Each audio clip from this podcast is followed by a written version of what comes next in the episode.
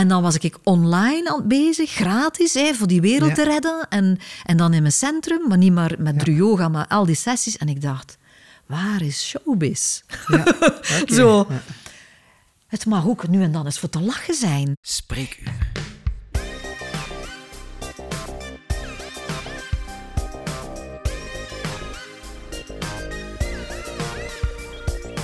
Dus ik ben Ingeborg Therese Marguerite Sergeant. Want er zijn nogal veel mensen die denken, ah ja, we weten wie dat, dat is. Nee, nee, nee. Ingeborg Therese Marguerite Sergeant. En ik ben geboren 15 oktober 1966. En eh, ik ben een master in dramatische kunsten. Ik heb daar een diploma voor. En dan heb ik heel hard gewerkt in de media. eh, tot ik rond mijn 32e, misschien 34e, zo toch wel uitgenodigd werd om die uiterlijke wereld in te wisselen voor de innerlijke wereld. En daar op zoek te gaan naar echte vervulling en tevredenheid. En dan, ja, dan is er nog van alles gebeurd. Een boek of twaalf. Voor mijn eigen gezondheid eh, scan ik regelmatig mijn algemeen welzijn. En op basis daarvan ga ik bepaalde dingen in mijn leven meer toelaten en andere een beetje aan me voorbij laten gaan. Dus algemeen gesteld heeft dat te maken op level van voeding en beweging. Ehm, overal een beetje gif is niet slecht. Eh, daar is uiteraard meditatie bij. En dan is de relaties in mijn leven. Dus eh, geliefden, eh, een kleindochter kunnen ondertussen ook. vader, ja, zoon, een heilige geest. Je weet wel, het hele pakketje. Daarop toekijken dat daar eh, een goede flow zit.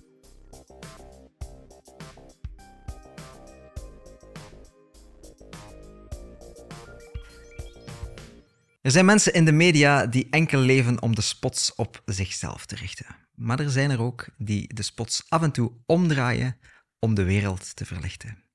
De gasten van vandaag is zo iemand. Ja, zij is een grote ster en zij heeft geschitterd op televisie, op muziekpodia en in alle boekjes gestaan met goed nieuws en minder goed nieuws. Maar heel zelden ben ik iemand tegengekomen die zo zichzelf is gebleven of die door al die uitdagingen zichzelf zo heeft gevonden. En dat doet haar eigenlijk gewoon nog meer stralen en dat wil ze delen met de wereld, want we hebben allemaal het recht om te stralen. Lieve luisteraar, ik raad u aan om niet enkel met uw oren en met uw verstand, maar ook met uw hart naar dit gesprek te luisteren. Want ik heb vandaag Ingeborg bij mij op spreekuur. Wauw, zeg, dat is al een hele straffe. Dank u. Dat is eh, heel mooi. Ja. Ja, ik voel het ook zo. Eh, ik, Ja. heb, eh, ik heb u onlangs mogen leren kennen en u daar gevraagd van, hey, zie je het een keer niet zitten om bij mij langs te komen? En ik, ja, ik had dat gevoel. Oh, dat is echt tof, Dus, zeg. eh, ja, dank ja, dus u. meestal begin ik mijn podcast met de vragen Ja. van wie is Ingeborg? Of, ah, ja, als het Ingeborg is natuurlijk, als het iemand anders is, vraag ik iets anders. Ja, Eh, dus ik ga het aan jou ook eens vragen. ja. Ik heb er al een beetje een gevoel bij wie het is, maar je mag het zelf nog eens zeggen. Ja. Ehm, ja, voor mij is Ingeborg hè, Marguerite Therese Sergeant, omdat die combinatie van die namen heel belangrijk geweest zijn in mijn groei ook, en mijn zelfontplooiing, Mhm. om al die facetten van die complexiteit beter te begrijpen. Dus het is heel bewust dat je die, die meter- of Peter-namen Ja. erbij neemt? Of, Dus eh, Marguerite is eigenlijk de moeder van mijn moeder, wat eigenlijk heel veel zegt over mijn innerlijk. Allee, ik Ja. Heb dat zo on- ontdekt op een bepaald moment. Ehm, en Therese is de heilige Therese van 15 oktober. Dus eh, oké, die ja. spirituele, mystieke vrouw Ja. die heel veel kloosters opgericht heeft. Want het is de, de Therese van Avila, de 15 oktober. Je hebt nog een Therese van Lisieux, die, eh, waar dat ik ook wel iets mee heb, maar dat is stiller. Ehm, ja, dus die namen horen daarbij. Ingeborg betekent engelbewaarder. Oké. Dus ik vind het ook een groot cadeau. En dat sergeantstuk, dat is... ehm, ik heb daar heel veel last mee Een gehad. beetje discipline en militair erbij? Ja, eh, maar het is blijkbaar ook een gereedschap om dingen samen te brengen. ja, klopt, inderdaad. Dat is zo'n ding waar je aan kan wijzen voor op je werkbank eh, te zetten. Ja, handige mensen weten dat. Ja. ik weet dat nog niet zo heel lang, maar ik had ook zoiets, ah ja, werelden samenbrengen. In de media en dan de wereld van spiritualiteit. Dus, De ja, Nomen is het omen. Eh, de naam is een voorteken. Voilà. Ja. dus ja, die gezegendheid van die namen. En dan de complexiteit om eigenlijk helder te krijgen wie je echt bent. Dat Ja. was mijn eerste boek, Wie ben je eigenlijk? En het antwoord stond op de, aan de achterkant, want het is al lang uitverkocht, je kunt dat niet meer vinden in boek. Ehm, je bent licht. Hè, dus mijn vertaling is eigenlijk, we zijn licht in beweging, in een Mhm. menselijk avontuur. En we proberen eigenlijk te herinneren wie we zijn. Dus het gaat eigenlijk vooral om u terug herontdekken. Eh, Ja. Zullen we dan eventjes terug naar die absolute kindertijd gaan? Wie was Ingeborg als, als kindje? Ehm, Ingeborg ehm, was eigenlijk meteen Mieke Moes. Mhm. Dus ik kreeg de naam van het overleden kindje dat daar vijf jaar daarvoor overleden is door een verkeersongeluk. Met, die heette ook Ingeborg. Ja. Ah, dus je hebt een, een zus Ja, die overleden is. ja, Eh, dus er waren twee meisjes, twee jongens. En mijn ouders hadden zoiets, dat is rond. En dan ja, is Ingeborg overleden door een verkeersongeval voor een deur. En dus had, hadden mijn ouders zo, ja, er gaat, ze gaat terugkomen. Ja. Allee, zoiets. Maar dus midden in dat rouwproces, dus dat heeft mij helemaal gewired. Hè. Ehm, van dat eerste jaar, mijn moeder is terug zwanger geworden, dus dat verkeersongeluk was in augustus. Ja. En in februari de conceptie. Ja. Dus in oktober geboren. En dus, ze dachten, Ingeborgske komt terug, hè, het, eh, het kindje. Het was chance dat het Ja. een meisje was. Maar ze, het bleek, ik bleek een heel ander kindje te zijn. Ja. Ik was ja, veel magerder, mijn moeder had veel minder gegeten. ja. Iedere dag naar de begraafplek als zwanger zijnde. Dus wel... Mama was nog in rouw op In rouw, moment ja. ook. En dat stukje, samen met de hoop van het komt goed, Ja. dat is Mieke Moes geworden. Dus ze hebben heel snel die eerste dagen beseft, het is helemaal niet Ingeborg, Uh-huh. het is Mieke Moes. Van de Disney-film. In West-Vlaanderen zeggen ze tegen Mickey Mouse, Mieke Moes. Moek moes, ja. En dat is Mieke geworden. Uh-huh. Dus heel die complexiteit van bij de start, van wie ben ik eigenlijk? Ben ik het meisje dat de wonden komt helen? Ben ik een incarnatie van Ingeborg? Allee, ik heb dat dan later allemaal, hè. Ehm, en dan heeft Heb je dat gevoeld ook als kind? Ja, Dat ik was dat heel melancholisch. had ook Ik ben, in allee, het gezin? maar dat weten niet allemaal dan, hè? Want je Nee, leeft nee, dat nee. dan, maar je, het moment dat je bewuster wordt, zie je het aangepaste kind. Een heel Ja. braaf kindje, heel stil. Ehm, en dan, ja, eigenlijk pas zichtbaar geworden, ja, zelfs na mijn puberteit. Ik, ik had een hele rijke innerlijke wereld, Mhm. maar ik was voor, voor die luidruchtige hooligans daar, want dan is Dieter er nog gekomen drie jaar later. Dus voor die drie broers en die zus was zo een stil meisje, een heel braaf meisje. Ja. En het was Mieke. En was graag alleen of met een hond gaan wandelen. Dus dat. Maar zo Ehm. knap ook dat je dat dat hier zo maar even allemaal deelt met ons. Ah ja, maar ik ben graag open. Ik vind Ja. dat gemakkelijk. Ja, dat is- Hey, ook om het te verstaan, hè, want je hebt Mhm. meestal een, een, een encyclopedie of een paar boeken in je leven. Ja. Dus, en ik vind het ook fijn als mensen kunnen resoneren. ja. Je Ja. zegt daarnet van, dat weet ik nu allemaal, dat wist Ja. ik toen nog niet. Ja. Is dat belangrijk om op een bepaald moment even je kindertijd terug te gaan be- leren begrijpen? En, Ja, en helen ook. Hè. Ik heb heel veel... eh dat was zo vroeger een cassetje, je innerlijke kind helen. Mhm. ik denk 40.000 keer of zo. Echt Ja. zo, iedere keer als er verdriet langskwam, want ik heb een hele melancholische kant. Ja. Eh, altijd maar naar dat, eh, dat verleden. Ja. Tot in de buik. Heel veel hersteld, heel veel geheeld. Ja. En ik zag ook, ik, door die heling en het herkaderen, zag ik ook hoe verwacht ik was. En hoe rustig mijn mama ook was. Ja. Ze was weemoedig, maar ze was ook heel rustig voor haar doen. Ja. Dus die diepe vrede en rust en gelatenheid, want Ja. dat is ook een beetje, ken ik ook goed. Ja. Maar dan moet dat er allemaal uit. Hè. En dan kwam Raymond van het Groenewoud eh, Mhm. lesgeven op de toneelschool. En die zei, je hebt zo'n mooie naam, Ingeborg, we gaan... Je gaat aan de Bakkerabeker meedoen. Hè. Dat was zo de West-Vlaamse ploeg met de Clouseau Boys. Wilde je als Ingeborg naar buiten treden, als je echte naam? Ja. En dat was heel raar. Want Omdat- plots was ik Ingeborg. Ja. Ah ja, ja dus uw, uw ouders zeiden ook effectief Mieke.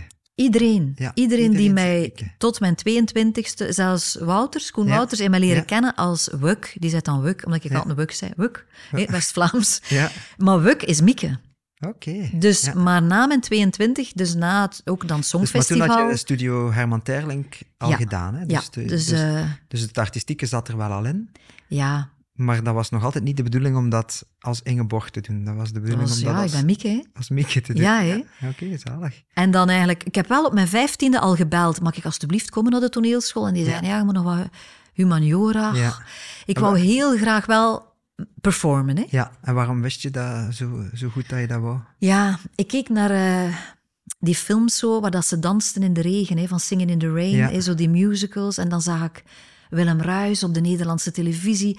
En dan zag ik Sonja Barend, die zo goed kon luisteren. En dan hoorde ik Paul van Vliet en ik had echt zoiets... Ik wilde allemaal. Oké. Ja, ja. Ik wil heel erg... Dat ken ik heel hard. Paul Ah, van Vliet was ik ook enorm, Oh. enorme fan van. En je kunnen uitdrukken en die fijngevoeligheid ook in Ja. die liedjes of, of in de magie. Hè. Willem Ruijs die deed dit en je kon drie auto's winnen of op wereldreis. Allee, Ja. in mijn fantasie Ja, ja, was ja.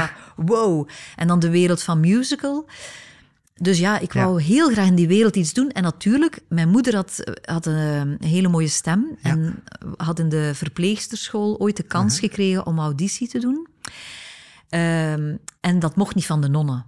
Dus, dus dan is dat ook wel een voordeel dat je dan ouders hebt die je steunen. Hè? Die zeggen, Dus wilde je- jij naar de toneelschool? Ah, wat doe maar. Hè? Wel, dat is exact wat er bij mij niet gebeurd is, want ik wou ook naar de toneelschool. Eh, Ah ja, maar jij moest, was moest eerst, slim, een moest eerst een diploma, moest eerst een diploma halen. Dus ik heb dan maar het kortste studie genomen die er, eh, die er bestond. maar dus dan ben jij naar de studio Herman Terling getrokken en dan kwam Ja. het Baccara-verhaal en het Eurosong-verhaal. Heel snel, hè? Heel Ja, snel. mag ik, mag ik iets bekennen, Ja. Ingeborg? Ja. Eh, op het moment dat jij naar Eurosong ging, Ja. was ik eigenlijk heel boos op u. Oei. Ja, Ja. omdat ik was zo fan van Clouseau. Ah ja, met Anne. Ja, Oh ja, En, dat eh, verstaan ik. En en- ze hadden en echt zijn- beter geweest en ook. die zijn derdes geworden. Ik weet het nog zo goed eh, in, die voor, of in, die, in die voorselectie. Waren ze geen tweede? Nee, ik denk derdes. Och, ah, nee, of tweede. Nee, tweede, tweede. Ja, ja. En Koen Wouters had een geel vestje aan. Ja. En ik heb mijn plechtige communie gedaan in hetzelfde gele jeansvestje. Ja. En dan ben jij naar het Songfestival gegaan. Ja. Eh, gelukkig met Stef Bos, Ja. want daar was ik ook fan van. Ah ja, maar niet van mij, duidelijk. Ja. Van jou was ik eigenlijk geen Ik liep in de weg eigenlijk, hè? Ja. Ja. Oh, Dus, wat erg. Het is over. Ja, maar wacht, ik ga het uitleggen. Ja, leg Ze- uit. ik deed eigenlijk mee aan die voorrondes voor mijn theatertour te promoten. Ik wou helemaal niet naar dat Songfestival per se. Ja. Maar ik moet wel zeggen, als ik dan meedoe aan een wedstrijd, wil ik wel winnen. Maar toch, als ik, zoiets, ik had heel erg vrede met dat Clouseau ging gaan. Ja. En natuurlijk ben je super blij. Maar het had beter geweest dat Anne toen geweest Ja. was. Want het waren allemaal ballads dat jaar. Ja, Te veel trage liedjes. ja. En Clouseau was heel erg blij, want zij werden volledig gepromoot, want hun liedje mocht al op de radio. Ja. Mijn liedje had dan heel lang niet op de radio mogen gespeeld worden, want Ah, dat ja, was zo'n ja, heel oké, reglement. ja, ja, dus klopt. die dat was tof. Ja. Zeggen ze nu, hè. ze hadden beter gegaan. Tuurlijk wel. Ja, want ze zijn toen twee jaar later Ja. gegaan, maar geef het op. Ja, Ja. Ik, ik ken alles van Clouseau. Ah ja, oké. Kenden ze echt? nu, nu kreeg, kreeg ik een blik. eh, Ja, ja, van, ja, eh, want ik Nee, ik weet, dat- veel over de Clouseaus. Oké, maar dat is misschien een side, eh, side podcast die Ja, we moeten opnemen. ja. Nee, ik weet dat jij toen in de tweede helft van de kolom geëindigd bent ja, ja, ja, ja, tuurlijk. Ah ja, ja. veel te En wat broos. heeft, wat heeft dat gedaan met jou? Enorm, hè? Ja, Was dat, dat is. Ja, uiteraard. Hè. Dus ik moet wel zeggen, net voor de puntentelling was ik met de Luxemburgers aan het praten. En die was zo enthousiast aan het babbelen. En die gooide zo'n halve pint over mijn kleer. En ik had maar één pakje mee. Hé, dat is eigenlijk nu niet denkbaar. Ja. Ah ja. En toen besefte ik al, ik ga zeker niet moeten terug op podium Ja. gaan. Want je wordt wel gek gemaakt dat iedereen een mogelijke winnaar is. Ja. Hè, want dat zit dan vol winnaars. Ehm, maar toen had ik al wel rust van, ik ga niet moeten terug gaan zingen. Ja. En natuurlijk, dat is heftig, omdat je dan, ja, zeker met het aangepaste kind in mij, Ja. die dan wel voor Ja, want hoe- België... hoe oud was je toen? Eh, Ja, 22. hè? 22, is Ja. echt super jong. Ja, echt. Je ziet dat ook aan mijn schoudertjes zo. Als ik, ik heb heel lang niet willen terugkijken, maar je ziet zo dat, ja, die wereld op die schouders zo. Ja, Ja. oké. Ehm, en ook zo dan, oei, ze gaan allemaal teleurgesteld zijn. En Ja. dan is Vlaanderen Hard. on... Nee, warm. Warm, oké. Och. Wat heb je toen gevoeld? Ja, ik ben teruggekeerd en omhelst geweest. Echt, ik heb echt zoveel kansen daarna gekregen. Ja. Allee, van eh, allerhande, allee, zeker met Mike en Guido, die me dan ook gezien Ja. hadden, die mij opgepikt hebben bij de opstart dan Ja, van VTM. dan, eh, Ja, ik heb dan alleen maar kansen gehad. En ik heb echt het gevoel dat Vlaanderen nog altijd hè, door de wind echt omhelst heeft. Mhm. Zo, dus ja, Het is ook een, een heel mooi nummer eigenlijk. Hè. Eh, ja, ja. nee, oké, vertel. Ja, ik vind eh, de Nederlandse versie vind ik nu mooier. Allee, De Nederlandse dus een Nederlandse dame die dat dan... Miss eh, Morel. ja, die ja. heeft dat dan een nieuwe versie van gemaakt. En ik, ik versta dat, dat dat wat Stef toen niet wou, eigenlijk. Nu wel kan eren. Stef wou niet van die Hollandse schreeuwerige Ja, ja. zangeressen. Daarom was hij verliefd op mij. Ik was Ah, zo'n ja, is stil... juist, dat was, dat was ja, we hadden een relatie. Ja. En ik was dat stil Vlaams meisje. Wauw, Ingeborg, je, zit, eh, je hebt met al mijn idolen gewerkt. Is het waar? Ah ja, Ja. mee geslapen en zo. Ja, ja, maar ja, goed, dat is nu niet echt een van mijn ambities, maar... eh, Ja, maar ik trouwens, weet... eh, ja, Stef, Stef, ja? Stef Bos komt naar Brugge, naar het Concertgebouw. eh, in juni. Ik ga gaan kijken, ik heb al tickets. Ah ja. Het schijnt als hij in Brugge is dat hij altijd over mij begint. Maar ik ben nooit gaan maar hij kijken. belt niet. Eh, Nee, nee, maar hij, denkt misschien dat ik het ga horen. Maar we hebben een hele specifieke, bijzondere relatie gehad Mhm. op school. Maar Stef is getrouwd met het woord. Hè? Ja, maar dat hoor je Ja. aan zijn nummers ook. Ja, Hè? hij is dus midden, als je aan het eten zit, schrijft hij iets op en dan had ik zoiets... Hallo! Hé, en dat is natuurlijk ook mijn thema. Ik Ja, ben het tweede Ingeborgske, zie mij. Ja. Allee, hallo, ik wil echt contact, ik, wil, ik leef.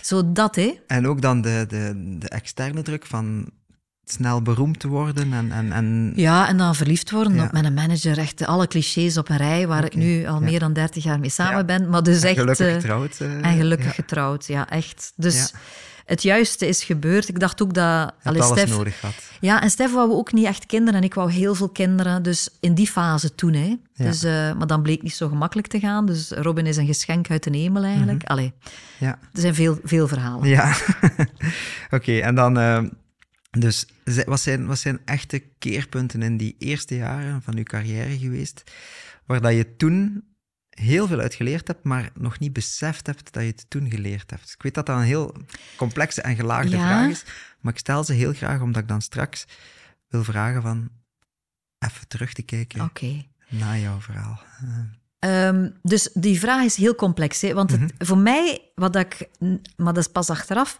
de ja, mhm.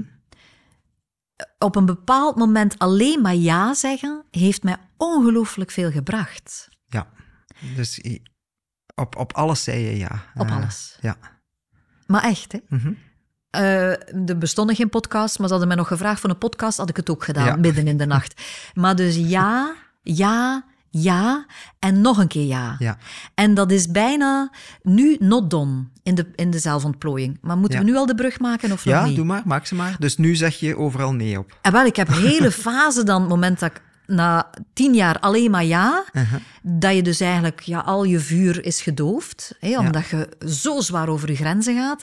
Ik had vijf dagen, zeven dagen verlof op een jaar, dat ik dan zelf inplan, hè, want ja, je Ja. bent freelance. Hè. Ja, ja. Maar na de derde dag werd ik zo melancholisch dat ik zoiets had, no way, hè, kom. Workaholic dan Ja, eigenlijk. echt helemaal. En natuurlijk ook wel al die kinderdromen die ik had, Die... realiseren. Allee, dus ook echt wel, oh ja, en dat wou ik ook nog, en dat mag ook.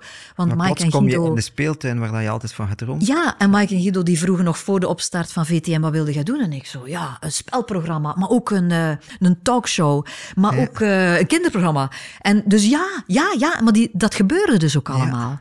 Dus Dus je dat hebt echt is gouden jaren gehad wat dat betreft. fantastisch. Ja. Hé, maar erover natuurlijk. Ja. Zo er zwaar over. Maar ik ben wel nog altijd een beetje Ik ben nog altijd een beetje fan van ja.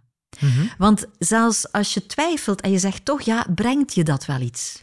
Ja. Maar tegelijk, alleen maar ja, dit is, overdreven en dan crash je. Ja. En er was nog geen woord voor. Maar dan heb ik dus dezelfde periode nee gezegd. Zenuwinzinking, was het toen niet wat dat we zeiden? Ik weet niet hoe dat dan. Burn-out of... eh, Ja, ik, er was geen naam voor. Ja. Hè? Maar ik was op, ik was tent en ik deed al die dingen. En hoe oud was je toen? Dat begon zo met Wonderwereld. Ja. Dus ik had dan Wonderwereld gemaakt, omdat Jackie Huis, mijn eindredacteur, gestorven is. Het juiste is allemaal gebeurd hoor. Ja. En samen met Jackie Huis stierf een stuk mijn carrière. En toen kwam mijn diepe verlangen om Wonderwereld te maken. Dus al die Ja. manieren om jezelf te ontplooien. Ik was er al heel erg in geïnteresseerd. Al vanaf mijn 16, 17 Ja, hoor. Maar nog niet vanuit de noodzaak, of, of wel? Interesse en dan door die interesse merken dat ik in een wereld van liefde kwam. Ja. Dus met Wonderwereld te maken, wat eigenlijk een programma is voor nu. Hè? Mhm. Dus al die verschillende therapieën, Ja, zonder oordeel te gaan belichamen. ja. Het is een geheim eigenlijk, maar ik ga het toch verklappen. Tom Waas is nu zo'n programma aan het maken. Oké. Ik heb het verklapt. Ja, oké. Mijn man gaat weer kwaad zijn. Hè? Maar dus, En wanneer komt het? eh, ik weet het niet wanneer, maar eh, hij is eigenlijk een soort vergelijkbaar traject aan het doen. Ja, en welk antwoord gaat hij ons geven? Dat weet ik niet, Met want hij zit er volop in. Hè? Maar hij Ja. is, hij is leren mediteren eh, met ayahuasca. Allee, hij is van alles aan het doen. En dat gaat een tijdje duren Ja. Voordat dat programma er komt. Maar ik denk, ja, wij deden dat in 1999. Mhm. hè? Ook ayahuasca gedaan? Nee, want toen was dat andere therapieën, maar wel allee, alles eigenlijk. Van acupunctuur Ja. tot eh, met dolfijnen zwemmen. Allee, het hele verhaal.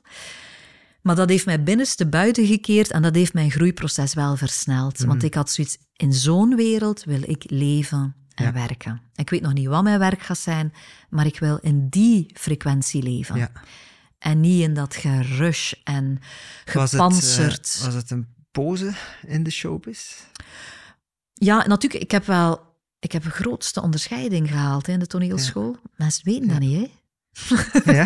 Dus ik was daar echt wel goed in. Ik verschiet er niet van. Maar natuurlijk, die, die, eh, die rollen, die ook een stuk van jou zijn, Mhm.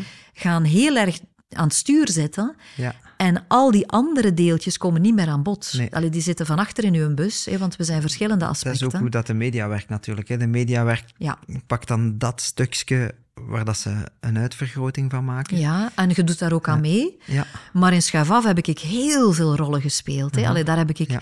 heel veel... eh, niet iedereen heeft dat natuurlijk kunnen zien, maar als ik Blind Date presenteerde, waren wij dat aan het persifleren bij Schuif af. Ja. Dus wij, dat relativerende van het kinderprogramma heeft mij heel vaak ook gered. Ja. Maar ook dat was op een bepaald moment op. Ik was moe van het lachen, maar ik had zoiets... ah, ja, weer dat masker opzetten? Of, Ja. of was het geen masker? Het was ook spelen en het deed ook heel erg deugd, want het zijn mijn maatjes nog altijd. Bartje en Arthur, dat zijn mijn maatjes. Hè? En die hielpen mij ook om te relativeren. Maar het was gewoon te veel. Het is allee, en theatertours, en zingen, en cd's maken. En al die primetime-programma's. Ik weet niet, ik denk dat ik er twaalf of dertien gedaan heb. Ik weet de titels zelfs niet meer allemaal. Ja. Allee, dus, Ja, ja, ja. dus erover Dus en dan, op pensioen. En dan op pensioen gegaan. Eh, Naar van- Brugge gaan wonen. Gouden horloge. Nee.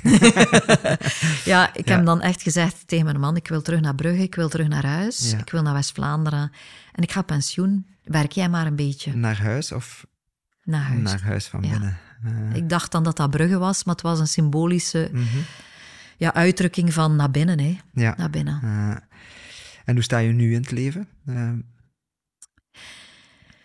Eh, ik zit in een stukje van ja terug. mhm. Dat is door de COVID. Alles is weer op zijn kop gezet door de COVID. Het is even allemaal, allemaal on hold gezet. Ja, maar ik mocht dus doorwerken, want plots was ik zorgverlener. Ik Ja. was afgestudeerd, ik had net mijn stage achter de rug, dus ik mocht wel nog werken. Mhm.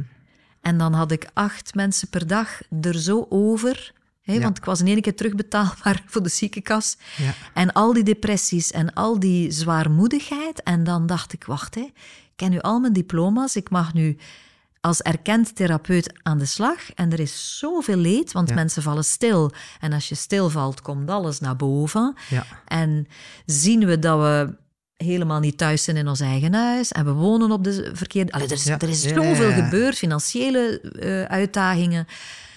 En dan was ik online bezig, gratis, hè, voor die wereld te redden. En, en dan in mijn centrum, maar niet maar met ja. yoga, maar al die sessies. En ik dacht, waar is showbiz? Ja. Zo. Ja. Het mag ook nu en dan eens voor te lachen zijn. Ja. Want als je workshops geeft, kun je dat kwijt. Ja. Allee, bij de yoga en in de groepen Ja. is er een heel stuk dat ik met een entertainer daar ook vrij uit laat zijn. En dan zeg ik, sluit je ogen en dan komt er iemand helemaal anders. ja. Hè, dus mijn, mijn oude Want vrouw dus, zo. Dus als, je, dus als je inderdaad die terug naar huis gegaan bent, we zullen Ja, dat moment nu ja. zo, zo noemen, dan, dan ben je niet thuis gebleven. Hè? Dan ben je gaan bijstuderen. Dan, Ja. we gaan straks even dieper ingaan op wat je dan allemaal gedaan hebt. Ik ga eerst eventjes terug naar uw drie dingen dat je aangegeven hebt om te doen voor uw gezondheid. Eh, Ja. Je doet een scan voor je algemene welzijn. Ja. Dat vind ik heel interessant. Hoe Ja. scan je jezelf eh, om te weten of dat je goed bezig Ja. bent? Eh, hoe, hoe, hoe meet jij jezelf? Ja, dus ik, eh, ik kijk gewoon een beetje als observeerder. Ben ik aan het zagen? Mhm. Ben ik aan het pruttelen?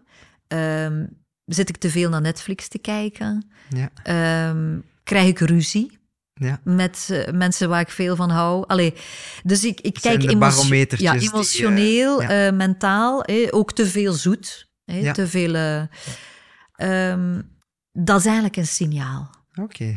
Als ik eigenlijk niet in vreugde in het leven sta, Ja. dan is er iets dat wil gezien worden, gehoord worden, dat wil bijgestuurd worden. Allee, en dan, dus eigenlijk is vreugde wel met een barometer. ja, dus als je eh, floreert en je goed voelt Ja, en, en als ik- verbinding kunt maken op de manier dat je het Ja. zelf wilt. Maar, maar wat, wat gebeurt er dan als je inderdaad voelt van oei, dat is hier nu al de zevende keer deze week dat ik naar die koekenkast ga. Eh, Ja, bijvoorbeeld. Wat, wat, wat doe je dan? Grijp je dan in? Zeg je van oei, eh, Ja. ga je dan, hoe, hoe zoek je dan waar het brandt?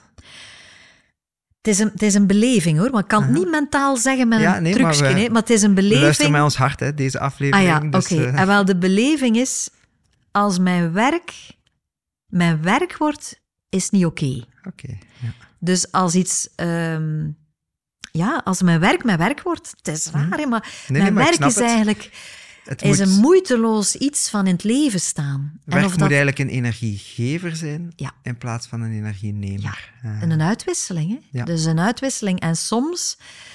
eh, ja, en dat, ik had nooit gedacht dat ik ooit nog iets voor televisie ging doen. ja, het was dan...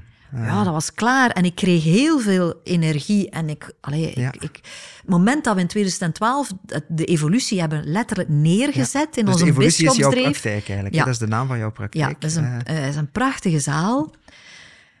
Dat was echt, en ik had dan ook tegen mijn man gezegd, en hier, schatje, gaan we onze laatste jaren. En in één keer had ik zoiets, we zijn weg. En Aaron zei, wat hè, we zijn weg, we zijn weg. Hé, want die had zoiets, van nu, ik zei, ja, we verkopen alles. Ik ga op een berg in maar de zon. was nog altijd actief in showbizland. Ja, nog altijd. Die is 70, die is nog altijd nog bezig. altijd, ja. Ja, ja, hij gaat wel is meer manager nog steeds van... Ja. eh, van ja, Jeroen Meus en ja, en ondertussen is uw zoon Die zit ook in ook de... ja. actief in, eh, in Medialand. Ja. eh, Ik wou dat een advocaat werd, maar ik heb niks te zeggen eraan. Hè. Ja. Gelukkig maar. Maar hij wou ook in, in de Ja. entertainment eh, sector. En, Ja. en hij is goed bezig. Hè? Eh, dus doet dat Robin fantastisch. is, is Ja. uw zoon. Ja. Hij zit op de M&M, de dagelijkse Ja. ochtendshow. Ik zit er morgen in. Dus vroeg opstaan. hè. ja, dat is echt... Het was vanmorgen eh, bij Q Music ook.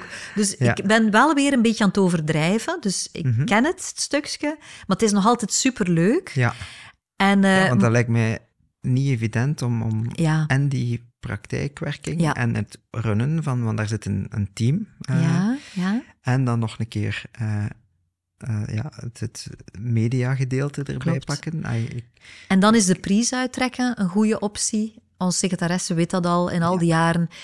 Eh, die zegt ook altijd, als het wat stagneert, de inschrijvingen, dan zegt hij, moet je niet op verlof? en dan eh, zeg ik, ik denk het, ja.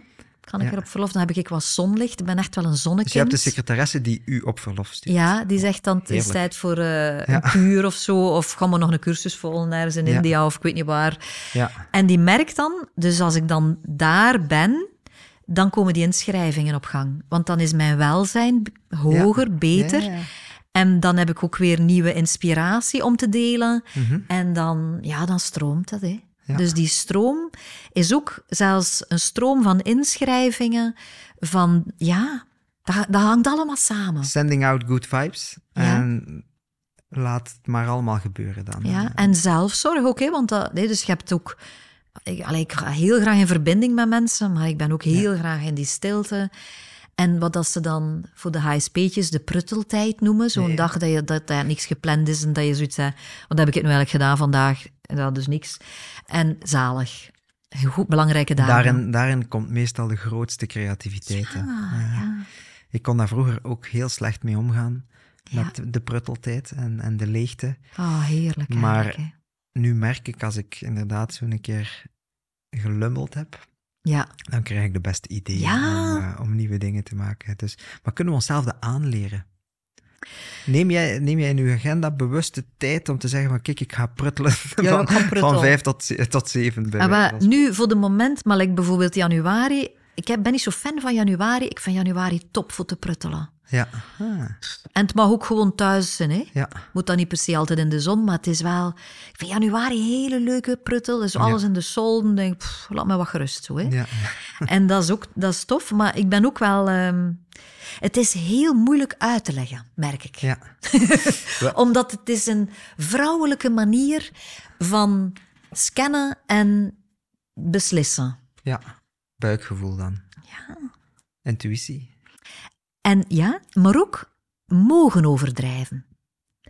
Want ik, ik heb Hmm. ja. dus een favoriete opleiding. Ik heb daar een onderzoek rond gedaan. Dat was Ja. mijn scriptie. Je lichtlichaam ontwaken. Mhm.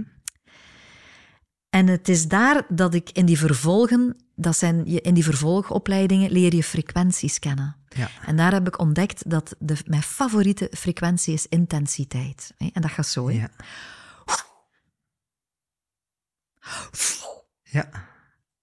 Even. Boom. Boom. En dus dat is echt... Je kunt daar niet aan uit. Maar dat is heel groot en uit. hè, wat dat jij beschreef van dat stralende zelf. Ik kan dat dus zo echt... Dan kan ik zo Ja. de wereldbol al dat licht geven. Hè. ja. En, En dan... en ik zit onder een en Wat graspriet. gebeurt er dan? En dan moet je in die kokon om de batterij weer op te laden? Ja, dan zit ik onder de grond ook. Hè. Ja. Het is daar heel donker, hoor. Ja. Ja, ja, ja. En dat toelaten, hè. ja.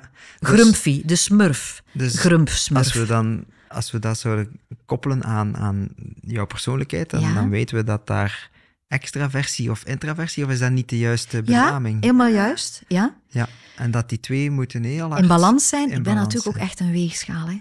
Allee, Ja. ik weet niet zoveel van, Van astrologie, of, eh, ja. maar ik ben een weegschaal, ik ben ascendant tweeling, dus dat is zeer veel lucht. Ja. Maar dan heel mijn gevoelsleven in de maan, ze hebben een keer uitgelegd. Ik ben een keer naar twee astrologen tegelijkertijd gegaan. Allee, niet op hetzelfde moment, Mhm. Maar met een week of drie tussen.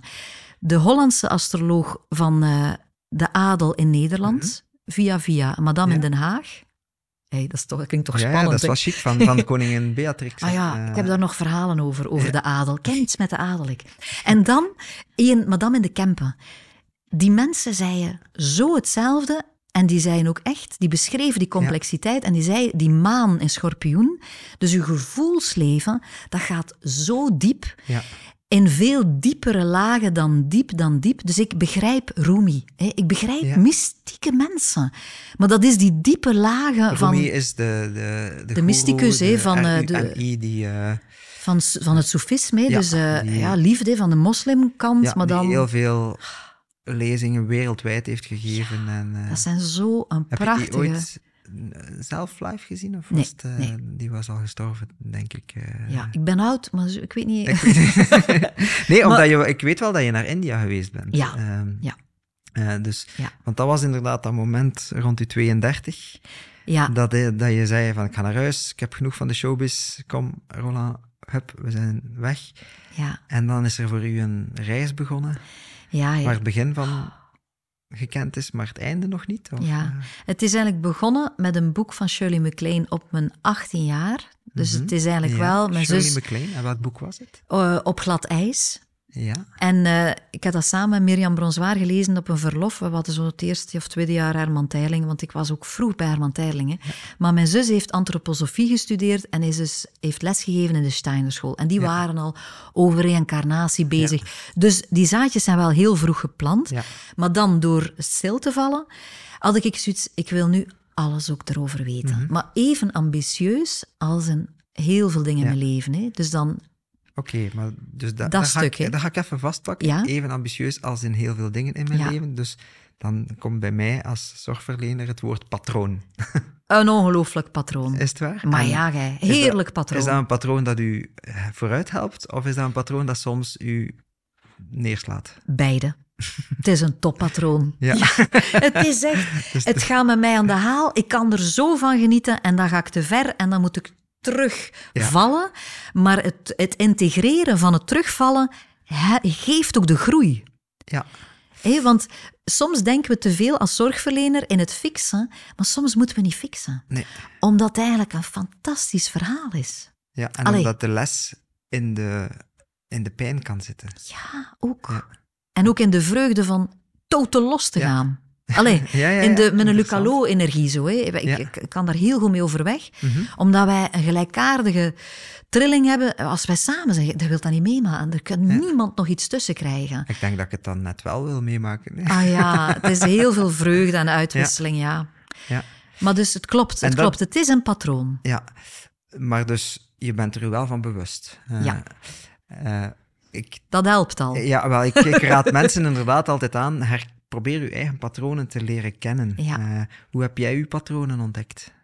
Door de muren te voelen, hè, waar dat je tegenloopt. Hè, en dat je duidelijk weet na 27 keer, hier staat er een muur. Ja, iets van een ezel en een steen? Of, eh, Ja. En ook vanuit, en dat is echt, ik kan, maar het is ook zo, ik ben er ook zo gelukkig mee, hè, omdat ik zoiets heb, als ik iets vertel in een workshop hè, of een opleiding, hè, je mag zeker zijn dat ik het zeker weet. Ja. Vanuit 25 keer er tegenlopen. Allee, ik heb heel veel geleerd in onze relatie ook, in Ja. mijn liefdesleven. We hebben ook in relatietherapie, we zijn tantra gaan volgen, we hebben met deuren geslaan, we hebben het goed gemaakt, we hebben het gefeest. Allee, dus ik weet echt wel dat alles onder tapijt steken geen optie is. Dus als ik dan Ja. bli- bij Blind Getrouwd zo'n keer mag langsgaan, Ja. dan monteren ze dat helemaal zodanig dat al die scherpe kantjes eraf zijn, maar Ja. ik zou veel verder gaan. Is het waar? Ik zeg dat ook tegen die experts. Hè. Ja. Veel te braaf. Wij maken de, de braafste blind getrouwd versie ter wereld. ter wereld. Ja. En dat is geen oplossing. Want Mhm. ik vind, wij hebben een verantwoordelijkheid in de media ja. om bepaalde dingen te benoemen. Mhm. En relaties zijn het punt om dingen over jezelf te leren. Hè? Ja. Maar, maar Maximum ik- pain, Ja, maximum pleasure. India. Dat is een mantra uit India. ja, soms heb ik het gevoel dat we, dat we die, die rol nog niet aan relaties toe, toekennen. Ja. Dat we voor een relatie, als het dan fout gaat, ook altijd de schuld aan de ander geven. Oh ja. En, ja. en nooit naar onszelf kijken. Maar dus, dat zegt, nu zijn we India. Ja. Dus India, India zegt, Mhm. oh Roland, mijn man zit moet horen, daar is ze terug, India zegt. Dus eh, daar, daar gaven ze als uitleg, het is een tool om te ontwaken. ja. Een intieme relatie, dat is een manier hè, Mhm. om echt te ontwaken. Dus echt te ver- verlicht te zijn. Ja. Want die kent u, als het goed is, zo goed. Die maakt u mee Die in weet alle facetten. eh. En als je dan niet in, me, ja, in, in slaap gevallen zit, maar echt nog kiest voor contact. Ja. Ha, ha, ha. Ja. Halleluja, hè? Het vraagt soms ook lef om voor contact te kiezen. Hè? Ja, en uw waarheid te delen. Ik heb dat echt geleerd. Want wij zijn ooit samen, we hebben ook vaak dingen samen gevolgd. Hè? En wij moesten een keer in een cursus. ehm, ik doe dat ook als hobby, hè, cursus. Ik vind ja. dat zalig. En dat dan- ken ik. Ja, dat is toch tof, hè? Ja, gewoon daar even gaan zitten. Ah, vertel. En dan moesten we ons wapenschild maken. hè? Dus ik teken zo een gouden, een gouden kelk. Hè? Dat was echt zo, dat voelde zo juist, zo'n gouden kelk met lichten. En in de evolutie, onze, ons Ja. centrum, staat echt zo de graal, waar iedereen naar op zoek is. Dat staat bij ons, hè? verlicht hè, ook, in een nisje gebouwd. en dus, dat was echt... En hij tekent dus daar toch wel een gouden zwaard. Maar dat is dus echt in de therapieopleiding, Ja. is, je hebt het zwaard nodig en de kom. Hè. Soms heeft je Dat is cliënt heel complementair. ja, die geborgenheid en die draagkracht nodig. En soms, Eila, zie jij je patroon? Hè? Je haalde net je zwaard uit, hè? zie je je patroon. Dus dat, en dat heeft dus... Dat toonde zo hoe dat wij als koppel, die heeft zo vaak het zwaard gebruikt dat ik zo gesnoeid werd. Hé, ik ben HSP, ik ben zo gevoelig, dat mag je niet doen met mij. De waarheid. Ja. En hij heeft dan die zacht-roze omhulling leren kennen. Dat hij nu mag ontroerd zijn met een mooie film. Of als er iets gebeurt op het journaal, dat die, die, die zachtheid... Maar hij is Ja. ook ondertussen 70, hè. ik heb hard gewerkt. Hè. Ja. Maar hij Ja, ook ja. met mij. Hè. Ja. Dus mooi. ja. Ik, vind, ik, vind, ik vind het heel mooi. Ik vind het heel inspirerend eigenlijk. Ja.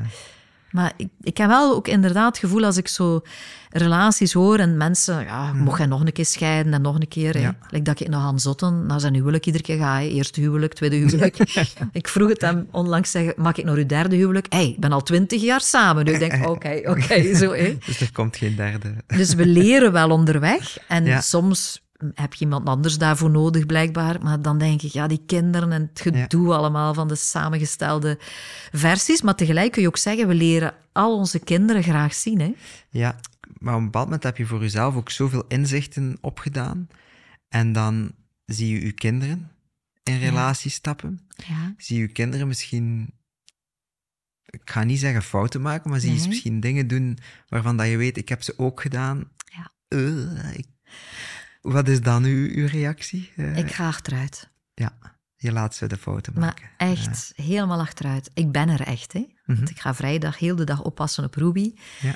En eh, ik was heel ontroerd als Robin op Ruby is een van de kleinkindjes. Is, eh, ja, ja, het- het, het, kleinkindje. Ja. Allee, eh, aan Roland zijn eerste huwelijk zijn er ook kleinkinderen, maar dat zijn ook al twintigers. dat zijn grote kleinkinderen. Ja, ja. maar dat is dus... ehm, ik engageer mij, maar ik voel ook echt... Ik ben een hele dominante moeder geweest. Allee, dat stond gewoon in de astrologie van Robin ook. Ja. Dat is ook heftig. Ik had in, was er nog maar drie maanden in Ja. de klas. Dat een dominante moeder, denk dat is niet waar. Bij astrologie, dat is echt niet waar. dus ik ga wel achteruit. Maar ik vind... Ik heb dat ooit ergens gelezen, gehoord, ik weet het niet meer, maar... eh, het grootste geschenk dat je je kinderen kan geven, is dat het goed gaat met je. Ja. Dat jij een gelukkige Voorbeeld, moeder Eigenlijk het voorbeeld. Ja, een gelukkige vader example. bent. Ja. En dat is mijn verantwoordelijkheid, vind ik, naar Robin toe. mhm. Ik kijk erop toe dat het goed gaat met ons. Ja, Allee, zolang dat dat... Ja, het is natuurlijk... Soms weet je niet wat er nog allemaal gebeurt, maar ik, ik vind dat wel... Een, dat is een die is blijven hangen. Omdat dat geen belasting is dan voor de kinderen. Als ze moeten zorgen voor hun moeder of hun vader... Allee, Mogen we dan de extrapolatie maken dat het opvoeden van kinderen exact hetzelfde is als een partnerrelatie? Dat je eigenlijk het samen een stukje doet, maar ook je eigen deel van het werk? En dat dus eigenlijk in een ouder-kindrelatie uw werk is van af en toe die stap terug te nemen, aan, aan jezelf te werken, zodanig dat je het voorbeeld kan Ja. zijn? ja. Ja. Ja. Ik hoorde, dat was dan India, waar dan gezegd werd dat eh, ja, conceptie en heel Ja. die eerste periode, eerste jaar, dat, ja, dat dat enorm, enorm belangrijk is. Ja, dat zal je al weten. duizend dagen voor de oxytocine Ja. en voor de warmte. Is veiligheid, hechting, dit en Ja. dat. Dus, en dan eh, merk ik, allee, ja, dan zie ik ook ja, wat dat er gebeurt hè, Ja. bij Ruby. En dan, Mhm. Ja, dan zeg ik, ben er. En er is een heel dorp hier, want ik heb heel veel vriendinnen die ook allemaal willen helpen. Maar het is hun keuzes. Ja. En ik merk dat ik er heel voorzichtig in ben. Want ik zou zo'n dingen wel eens willen zeggen aan hen. Ja. Maar ik ben ook schoonmoeder. Ik denk dat het beter is dat ze er helemaal zelf hun verhaal van maken. En ik wandel wel mee ergens. En is dat makkelijk of moeilijk? Ik vind dat ik dat niet slecht doe. ik meen dat echt. Ik vind dat echt. Ja. ja. En het is ook gemakkelijk, omdat het is maar één zoon en, en het is een fantastische klinisch psycholoog, kindertherapeut, eh, moeder, Jade. Ja. Dus dus, dat is daar, ze zijn heel wijs, mooi. alle drie. Ja. Ja. En wanneer zou je dan wel ingrijpen? Zijn er momenten dat je wel zou ingrijpen als je het echt ziet fout gaan? Ik, ga, ik zou het zien aan Robin. En het ingrijpen, ingrijpen zou iets meer het benoemen dat we er zijn. Ja, Dat zou nog niet meer zijn dan dat, maar wel, we zijn er, hè. Ja, Zo. ja. Mooi, je bent een wijze vrouw, Ingeborg. Allee, Eh, merci. ja, want ja, dus je hebt... We waren even afge- afgeleid, omdat ik vond het interessant, dus ik Ah, ben, ja. ben beginnen doorvragen. Ja, oké. Maar we zaten even in India, dus je bent Ja. dan naar India getrokken en verschillende cursussen bij beginnen volgen. Wist je toen al van ik ga een, een centrum starten? En, of, of, of hoe is dat eigenlijk ge- gebeurd? Eigenlijk, voor Wonderwereld ben ik eh, op Ibiza terechtgekomen, want de eindredactrice eh, Els van den Abelen zei, daar, daar woont een Vlaming Mhm. en die heeft heel veel know-how over die alternatieve therapieën. Ja, En wij zijn, ik ben daartoe gekomen en die is pas over dat programma begonnen de voorlaatste dag dat ik daar was. Want Ja. die zei, dat programma, daar gaat het niet om, het gaat over de presentatrice. Wie ben jij eigenlijk? Ja. En hoe ga jij daarin staan? En toen gaf hij mij eigenlijk hele belangrijke tools vanuit, probeer eens in de media geen oordeel te vellen Ja. over yoga, over engelenhealing, over regressietherapie. Maar luister eens geïnteresseerd. Mhm. En ik stond daar al natuurlijk al wel zo in, maar we hebben dat consequent doorgevoerd. Ja. Dat was eigenlijk nog niet gebeurd in de media. nee. Want dat was altijd een beetje gnuffelend. Ja, en dan en- wordt er gepolariseerd en dan heb je voor... En daar waren we echt eigenlijk. eh, Ja. Maar dus 1999. En daar heb ik wel yoga ontdekt. En ik Mhm. had zoiets. "Oh, eigenlijk vind ik dat eigenlijk wel heel fijn. Ja. Zoiets fysiek. En dan ben Dus je ik. hebt het daar gewoon voor de eerste keer gedaan. Ja, en dan heb ik Druyoga gaan. Want dat was een Hatha yoga. Maar ik heb Druyoga dan leren kennen bij toeval. En dan ben ik Ja. dat vier jaar is gaan leren. yoga net? Eh, Dat is eh, de yoga van het hart. mhm. En dat is een hele zachte yoga, maar dat heel diep gaat. Ja. Dus dat is niet een Cirque du Soleil yoga. Ja. Het is soms wel een beetje te lui, zeker de manier hoe ik het geef, maar het is wel heel meditatieve yoga. Ja. Dus het is heel sterk met Dus het is vooral ademhalingsoefeningen. connectie, geest. maar ook wel vloeibaar. Allee. Ja. En, maar het is, het is zo mooi. Mensen zeggen, het, het ligt een beetje bij Tai Chi en het was Qigong. Maar het is, Ja. maar het is door Mansuk Patel naar het westen gebracht. Mhm. Het werd in Noord-India van eh, leraar op leraar Ja. doorgegeven. En hij heeft het echt naar het westen gebracht. En ik heb daar... ehm, dat, ik werkte toen nog op VTM, dus dat was al wel wat bezig. Ja. Want dat is zowel een organischer overgang dan dat ik dat zeg. Hè. Maar die, eh die Druyoga-opleiding, dat was het eerste. Ja. En dat heeft mij dan nieuwsgierig gemaakt naar meditatie. Mhm. En dan ben ik eh, veel bij Oren Dabin. Dat was zo Amerikaanse Ja. stijl, dus geleide meditaties. Ja. En dat was mijn lichtlichaam ontwaken. En, en dan pas naar India. Bij meditatie krijg ik heel vaak te horen van mensen, dat is niks voor mij. Eh, Ah En dan, ja, ik moet nog maar mij zetten of ik begin al te denken aan, eh, weet Ja. ik veel, eh, wat dat er nog allemaal op mijn to-do-list staat en mijn mailbox en dit en dat. Eh, hoe kun je, ja. dan probeer ik altijd te zeggen van, kijk, zie meditatie niet als iets dat je moet doen. Ten eerste zie het iets als een vaardigheid dat je kan meenemen in het leven en dat je dus ook moet aanleren. Dus geef jezelf ook tijd om het te leren. ja. Maar hoe ga jij mensen, wat zou jij zeggen tegen mensen die, die eigenlijk heel veel baat zouden hebben van mediteren, maar Ja. er niet toe komen om die eerste stap te zetten en, of Ja. snel ermee stoppen en dus eigenlijk niet het volle effect ervan ja. ervaren? Het eerste dat ik zou zeggen is welkom. Mhm. Hé, welkom. Vanuit Dat is de max hoe zacht dat jij zei eigenlijk. Is het waar? Maar dat is echt belangrijk, dat mensen een keer eerst voelen. Hoe is het om Het niet via een app te moeten leren, vlug, vlug, of een audio. Ik heb zoiets, leert dan een keer in een groep, bijvoorbeeld. Ja, Allee. Want een groepsbewustzijn is Mhm. zoveel keer sterker. Ja.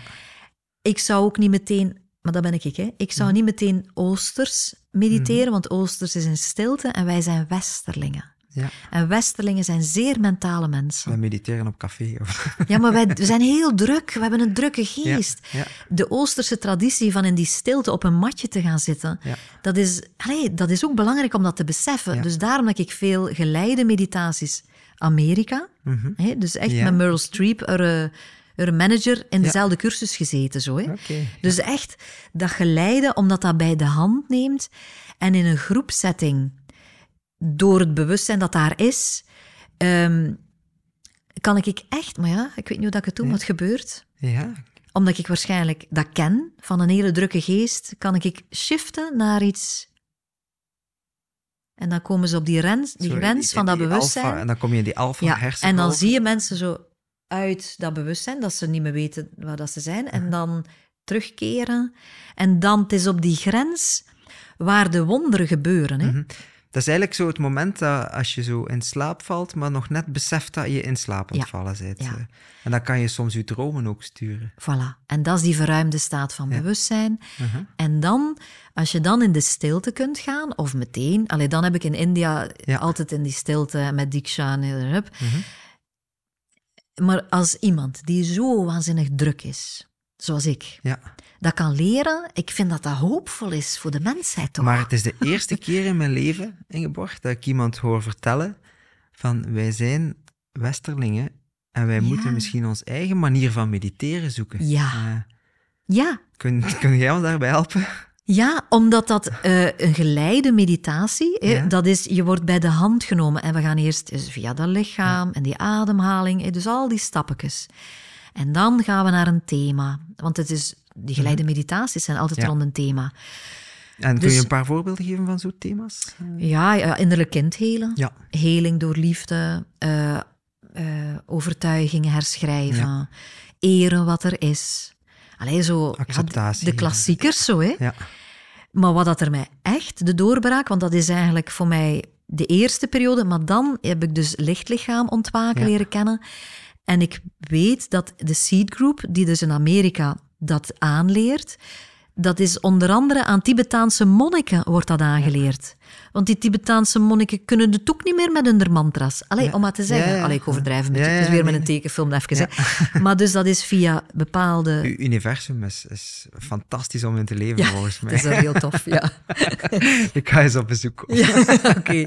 Maar dus dat is met klanken bepaalde gebieden in je lichaam opspannen en dan geleide meditatie. Dus die combinatie is je lichtlichaam ontwaken. Ja. En dat is eerst fysiek, emotioneel, mentaal. Dat zijn de eerst vier volumes.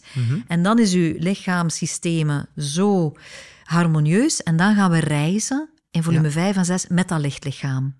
En, En naar dat waar is dus- reizen we dan? Naar oneindige dimensies. Dus dat is Sirius de Pleiade. Allee, dat is echt alien talk. Hè? Ja. Je hoeft niet eens te weten waar je bent, maar het is daar fantastisch. En de reden waarom we daar naar reizen, is om dat licht mee te brengen naar je leven op aarde. Ja. In de praktijk. In je dagdagelijkse Zodanig dat de ontmoetingen. volgende keer dat je op een meeting komt en er wordt van alles gepingpongd en, en Ja, er worden daar opmerkingen gemaakt, bent, hè? dat je zegt van, oké, ik weet wat ik waard ben, ik heb mezelf geaccepteerd, ik ben Ja, respectvol naar anderen toe, ja. En soms ik ben ga ik nog... Ja, ja, maar ook soms vlieg ik nog helemaal eh, uit een bocht, hè? ja. En dan de acceptatie dat die zogezegde wijze vrouw ook waanzinnig hysterisch mag zijn. ja. Wanneer is de laatste keer dat je uit een bocht gevlogen bent? eh? Ja. Vertel, ons, een keer- vertel ons een keer een sappig verhaal. Ja, ik krijg een boete van eh, ik weet niet hoeveel duizend, maar het wordt nog uitgezonden. Maar dus het gebeurt, maar dat heeft dan, dat is de, dat, want dat zijn allemaal fases. Hè? Ik dacht ook, de wijze is degene die daar minzaam glimlachend zegt. Vrede op aarde, beste mensen, wat is de hoogste oplossing nu? Ja, en dan heb je nog je schaduw. En u, als, je- ja. dat is Ken Wilber, hè? Ja. Echt, als je iemand zoekt die in westerse terminologie vanuit de Medi- scheikunde Ja. een keer kan uitleggen, Ken Wilber. Ken. Wilber, top.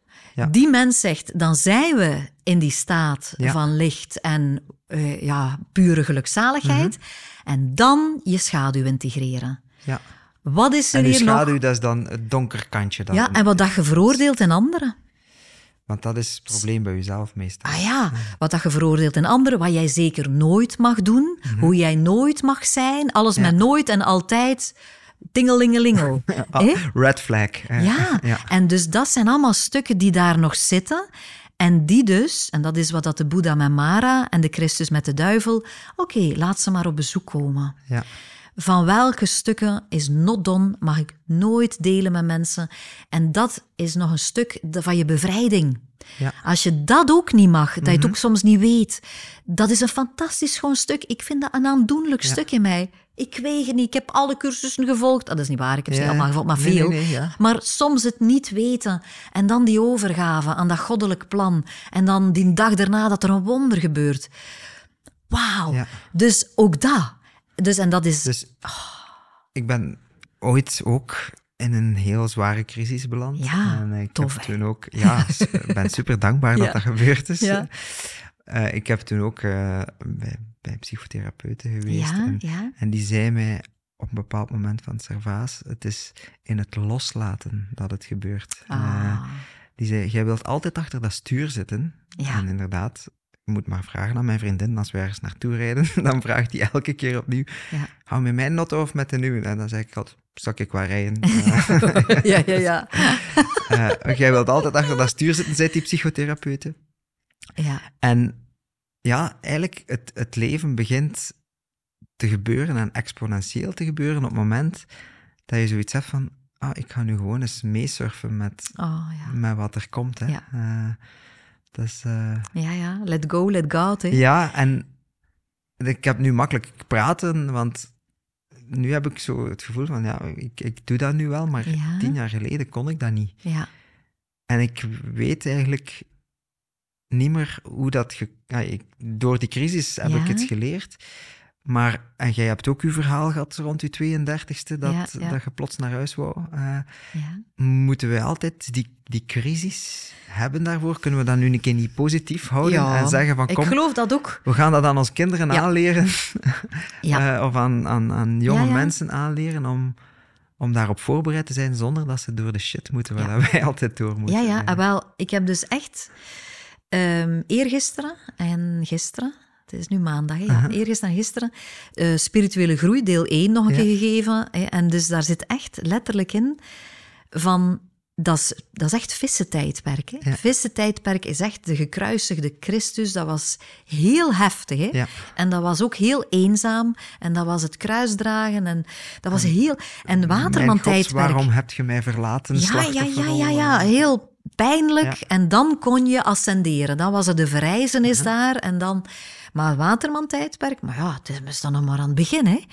Dat is... ehm, Dus nu ben je eigenlijk eh, de geschiedenis Ah, wel. stukjes aan het schetsen in... in in wa- waar we... waar, waar zitten we nu in? Daar- Ah, wel, we zouden nu naar dat water volgens sommigen in 2012 begonnen en anderen zeggen 2024, 2025, maakt niet uit. Ja. Maar dat is nog maar de start van een hele lange periode waar we met groep, Ja. dus de groep wordt heel belangrijk, onze vrijheid enorm belangrijk en de fluistering opvangen Mhm. nog voordat het dramatisch pijnlijk wordt. Ja, ja. Maar vrijheid zit niet in kunnen doen wat je wil, maar vrijheid Nee, nee. zit eigenlijk...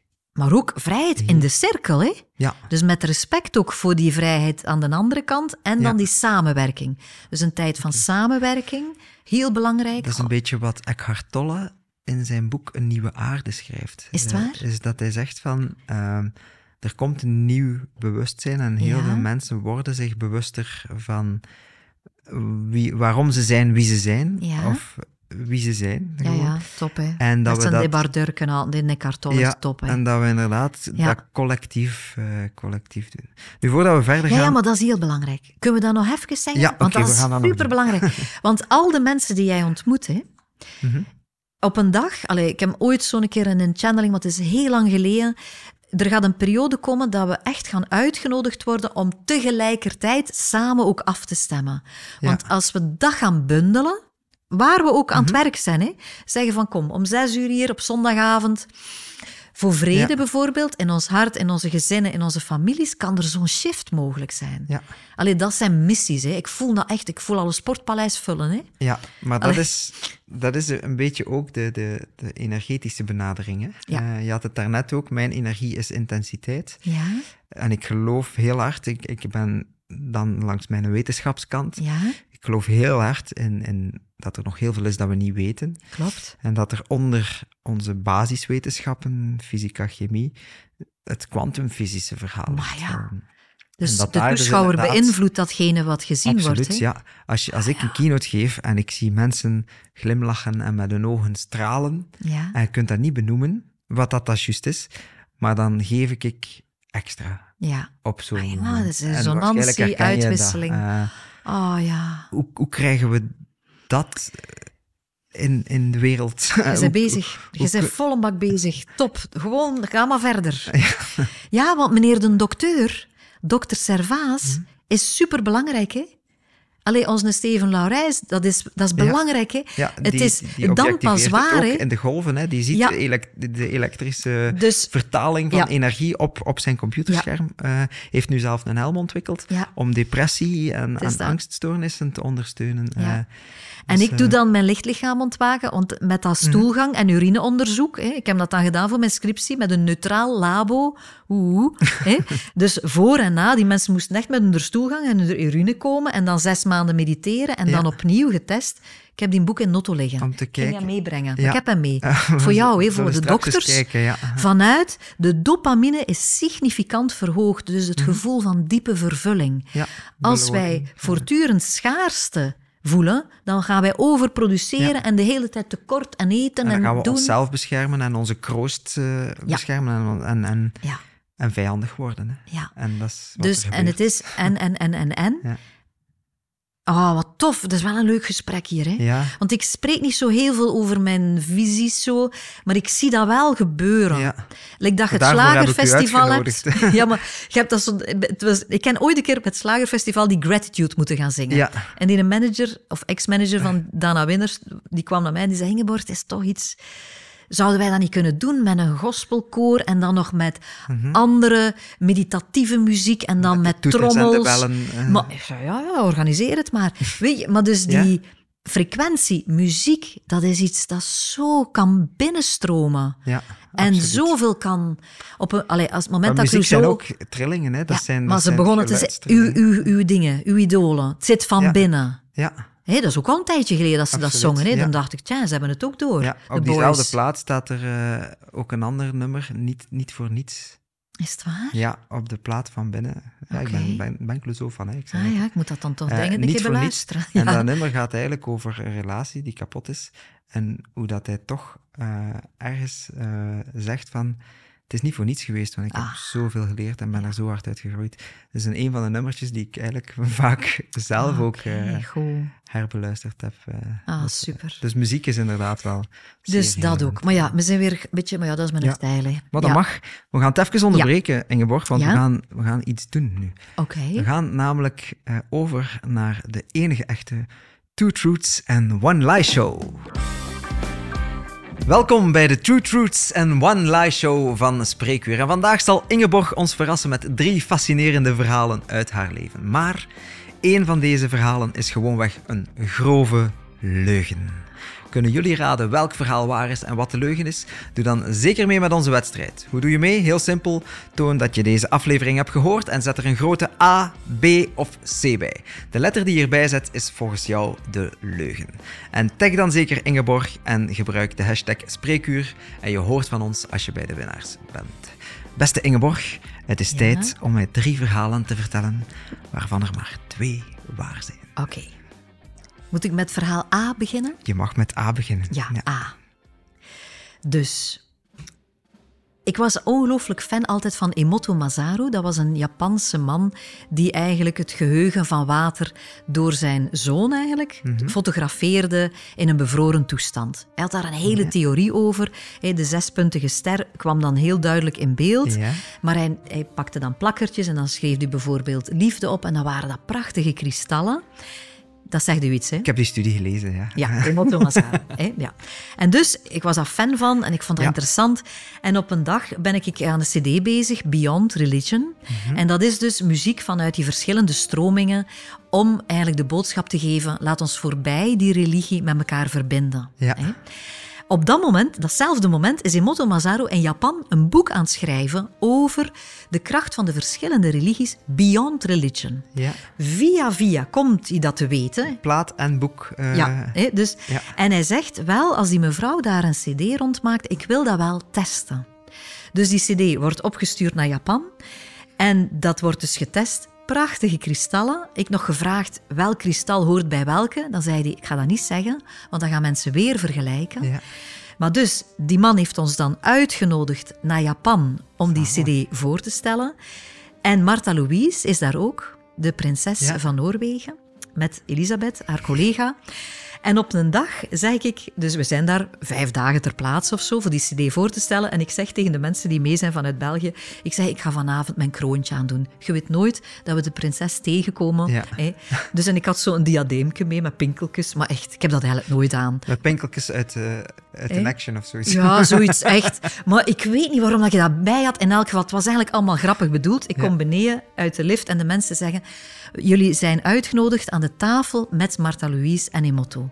Oké. Dus ik zit daar met mijn pinkeldiadeem. en, en Martha Louise die vraagt aan mij, ken jij geen uitgever in Vlaanderen? En ik zeg, ja, ik ken er vele. Mijn man heeft Ja. heel veel met uitgevers gewerkt. Ik ken er ook een paar. Dus ik heb dan de uitgever geregeld voor haar Nederlandstalige boek Mag. in Vlaanderen. Oké. Dat eh, je hebt dat volgens hebt dat met zoveel details verteld, dat, dat, dat kan gewoon niet anders dan waar zijn Ja, volgens dat mij. weet ik Maar niet. goed, dat weet ik niet. In aan- Japan, in Japan. Wie gaat er nu naar Japan als Vlaamse Ingeborg? Ja, maar met die, Oh. met die kristalstudie, eh, dat is... eh, want die heeft inderdaad ook water eh, kwaad gemaakt. Hè? Ja, ja, ja. Ja, ja. Ja, ja, maar Ja. een heel boeiende mens. Maar ja, goed, Ah het is hebt misschien... allemaal niet- ontmoet. Maar ja, het is misschien niet waar, hè? Ja, misschien.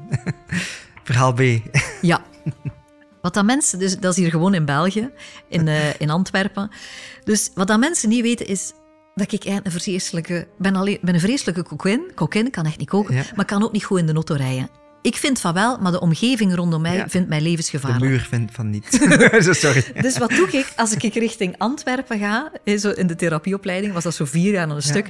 Had ik zo'n toverstaf. Dus wat dat je dus een knopje hebt, dat, dan- dat geeft dan lichtjes en muziek en zo. Ja. Dus als ze beginnen toeteren richting Antwerpen, dan steek ik zo even met een toverstaf op. En Ja. die mensen hebben dan zoiets, hè?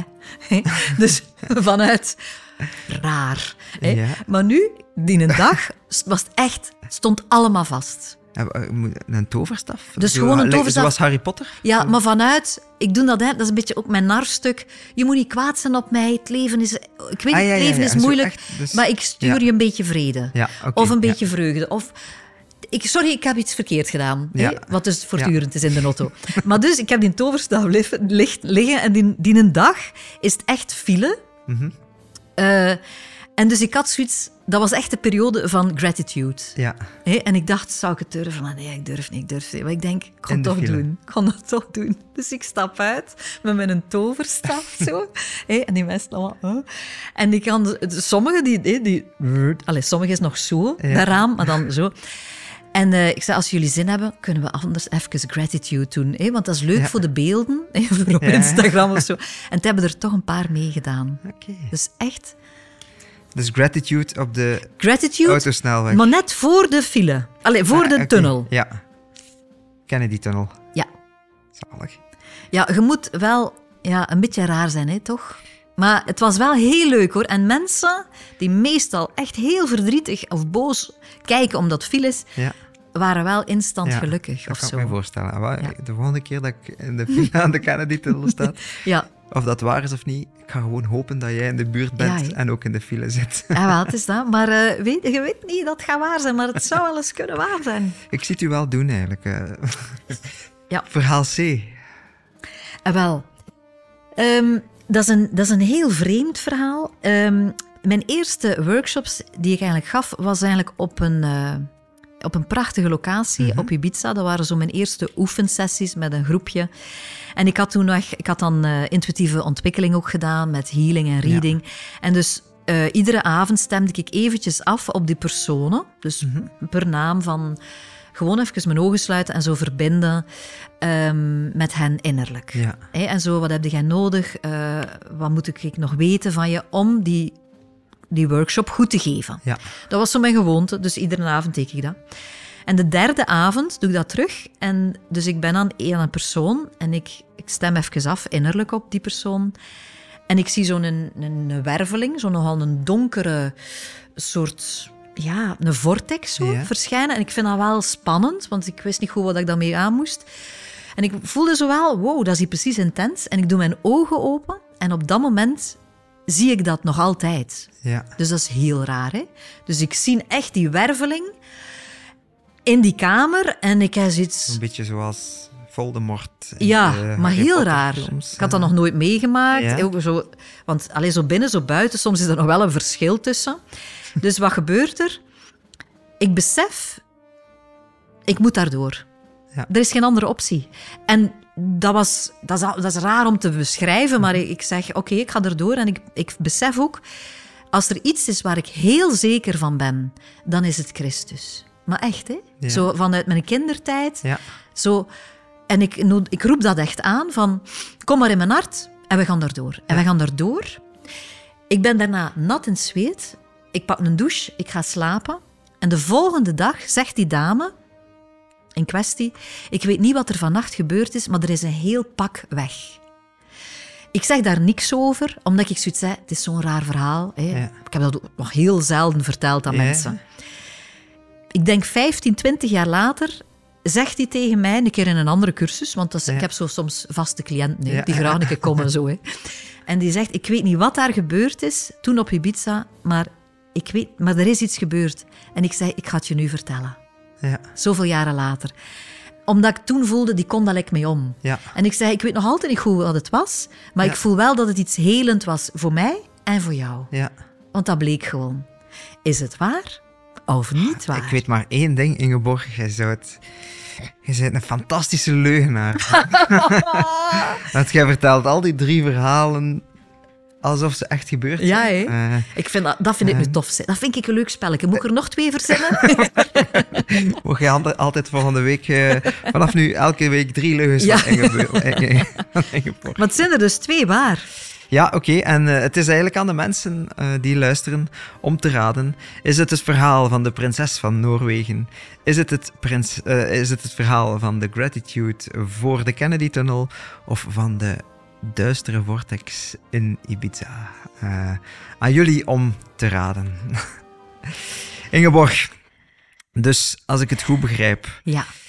heb jij nu ergens een soort showbiz-knop die je aanzet en een hulpverlenersknop die je aanzet? Ja. Of, of lopen de twee door elkaar? Ehm, ik besef meer en meer dat ehm, soms één opmerking, bijvoorbeeld via de showbiz, bij Blind Getrouwd, wel een soort golf teweeg brengt.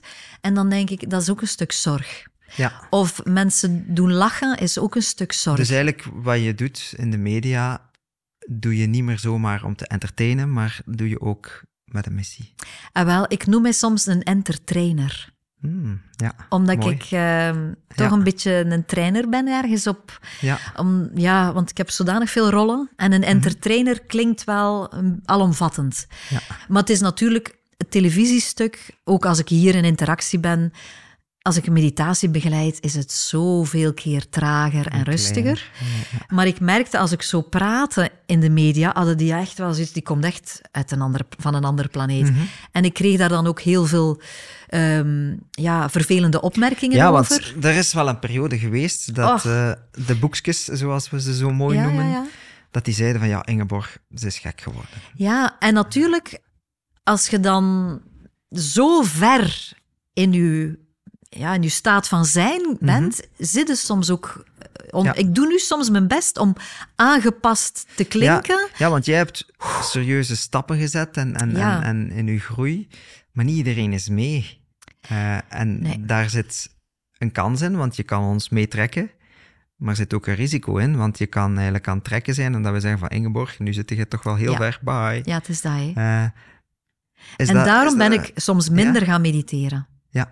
Dus omdat je, als je een uur, een uur yoga doet en een uur meditatie per Mhm. dag, dan zit hier iemand anders. Ja. Ik weet dat dat kan, maar ik ken ook soms het gevoel dat ik te ver weg was dan. ja. Maar ook voor mijn geliefden, hè. Mhm.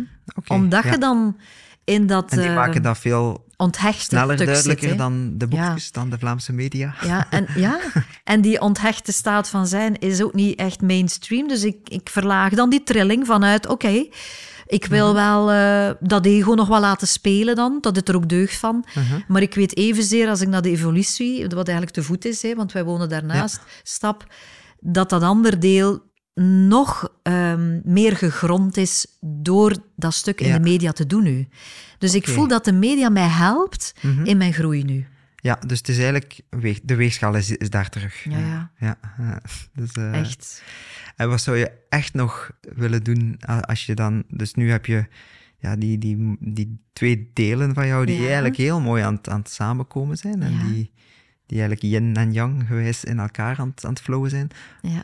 Eh, wat, wat, wat, wat zou je echt nog heel graag doen de volgende 10, 20, 30 jaar die je krijgt om de rol van entertainer vanuit uw kern op te pakken? Eh, Ik heb een stuk, als Jackie Huis stierf, heb ik een stuk, dat wa- was, had ik net een dus zomerworkshop. Jackie Huis was die eindredacteur. ja, die eindredacteur die All You Need Is Love en de trouwshow en het gevoel van, en allee, heel veel. Het moment dat hij stierf, had ik net ehm, een zomertalkshow Mhm. achter de rug, waar ik eigenlijk heel veel verschillende facetten in interactie kon brengen. En ehm, uiteindelijk heb je dat dan wel bereikt. Maar ik merk, want ik word nu overal een beetje geplukt. Ja. En ik laat me daartoe ook plukken. Laat u plukken. Ja, ja, daar is nog een bloemetje nodig en daar een tulp Ja. en daar een chrysant. Maar uiteindelijk... Maar de is- diversiteit vind je wel leuk. ik vind dat heel leuk. En daarnaast is er ook wel... als ik zo naar televisie kijk, ik zou andere vragen stellen aan de politiekers. Mhm. Ik zou andere vragen stellen aan de geestelijken. Ik heb een andere honger. Misschien moet je een eigen podcast beginnen. Ja, en wel, ik vind dat nu tof, hè, dit setje. Maar ehm, ja, ja, ja, het zou kunnen. Maar het is dan precies nog altijd niet belangrijk genoeg. Dus, want er zit ook een stuk in, ik ben mijn weg aan het bewandelen. Ja. En het is dan ook weer druk. Allee, Ja, ja, de druk. Ja. Dus dat is enerzijds... eh, trekt dat, en aan de andere kant is er ook iets helemaal anders. Ah, ja, tuurlijk. Ja. Eh, waar dat ik echt ons zie, echt in het zuiden wonen, Ja. ehm, met veel diepgaandere workshops. Ik zou eigenlijk Ja. liefst mensen, ja, tien dagen, twintig dagen, een, een maand willen begeleiden. Dat dat echt zo... Ik weet dat in India mij, door daar iedere keer een maand te zijn, dat dat mij enorm Je kunt het veel dieper in je Ja. vezels krijgen op Ja. zo'n moment. hè, Voilà. want En ik geef weekworkshops en weekends. Ene keer de woensdagavond van 8 tot 9, Voilà. dat gaat het verschil niet maken. Soms heb ik het gevoel dat ik hen een beetje in slaap zus. Mhm. Bij de Dryoga. En Ja. het is daarom dat ik ook dat het nu minder geef, omdat ik denk, ah ja, Ja, mensen want hebben er deugd van, maar ben ik ze niet in slaap aan het sussen? ik, ik mediteer zelf ook vaak. Ja. Eh, als ik kijk naar mijn eigen meditatieparcours, in het begin mediteerde ik om weg te vluchten van de realiteit. Terwijl ik nu mediteer om het mediteren en om mijzelf te hercreëren, eigenlijk, om, om, om eigenlijk te visualiseren wie wil ik zijn, waar wil ik naartoe.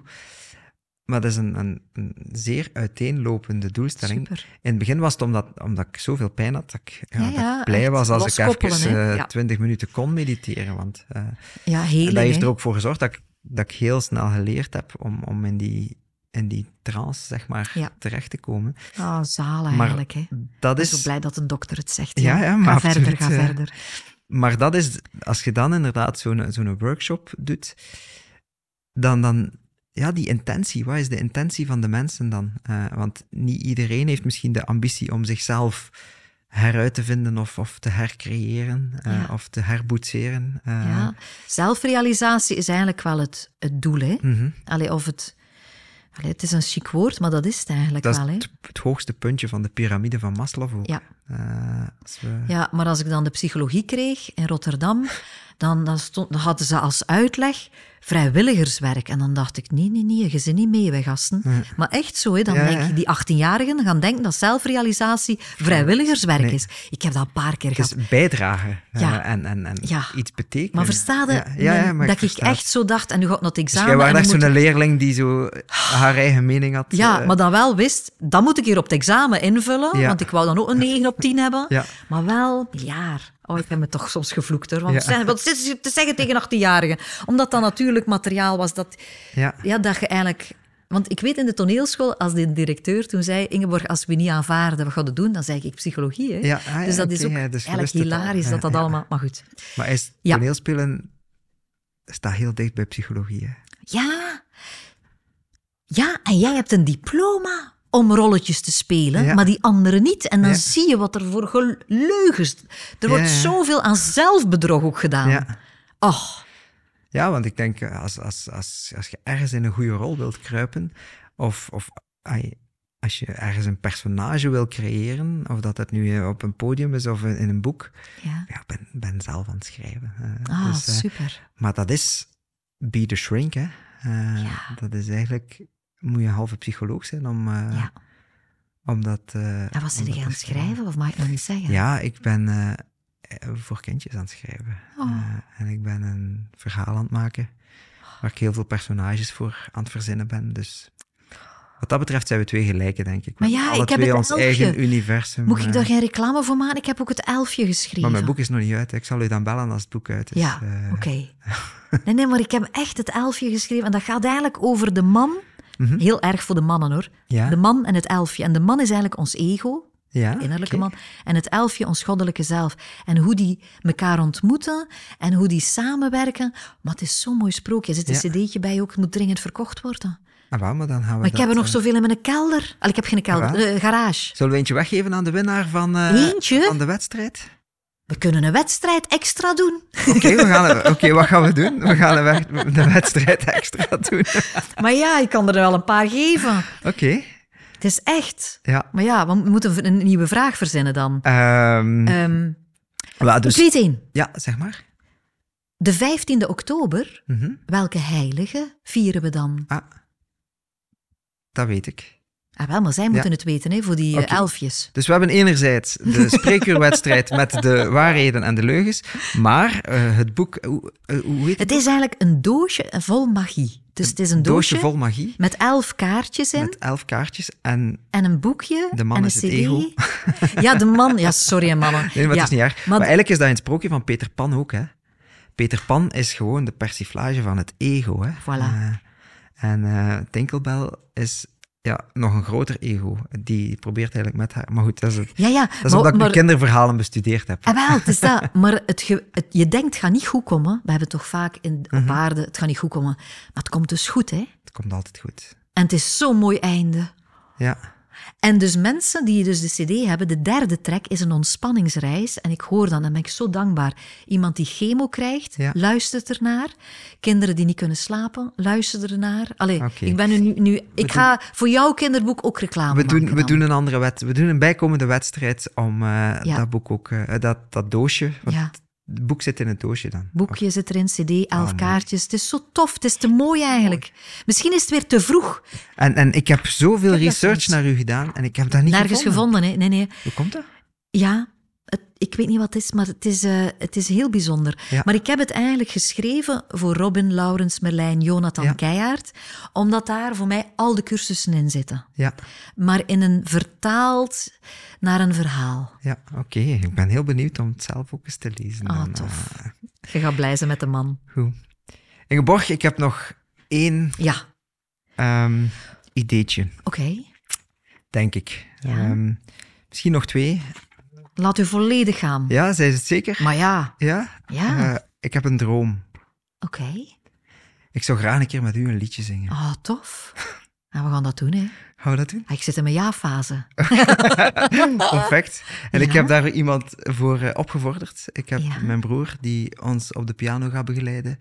Ik ga zelf een beetje gitaar spelen. Ah, dat gaat nu meteen en gebeuren. we gaan dat nu onmiddellijk... Oh my eh, god. En jij weet dat ik een altstem ben? Ik weet dat... eh, Dat mijn lage stem? ik heb dat stiekem met uw eh, assistente afgesproken. Wauw.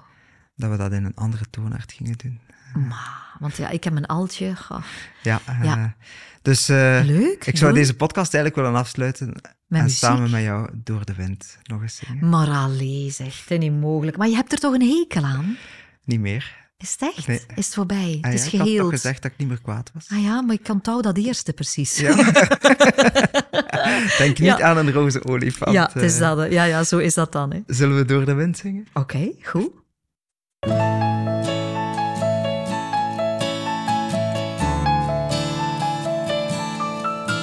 Ik zie je voor me met mijn ogen dicht. Ik kan je voelen met mijn hart op slot. Ik hoor je praten, maar je bent er niet. Je bent er niet. En ik voel me verloren als ik jou moet verliezen. Ik blijf van je dromen, want ik kan je niet missen. Ik kan je niet missen.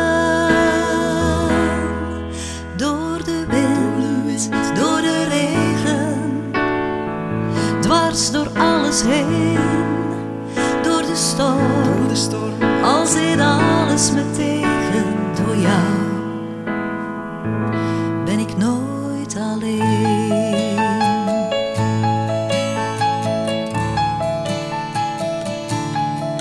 Ik voel je naast me als ik s'nachts op straat wil vergeten wat in mijn ogen staat geschreven.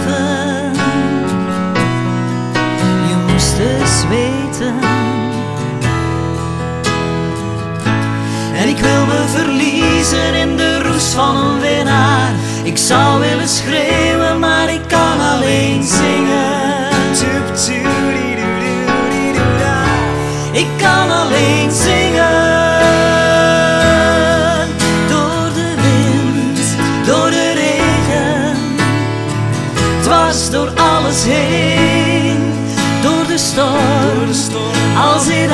Heen. Door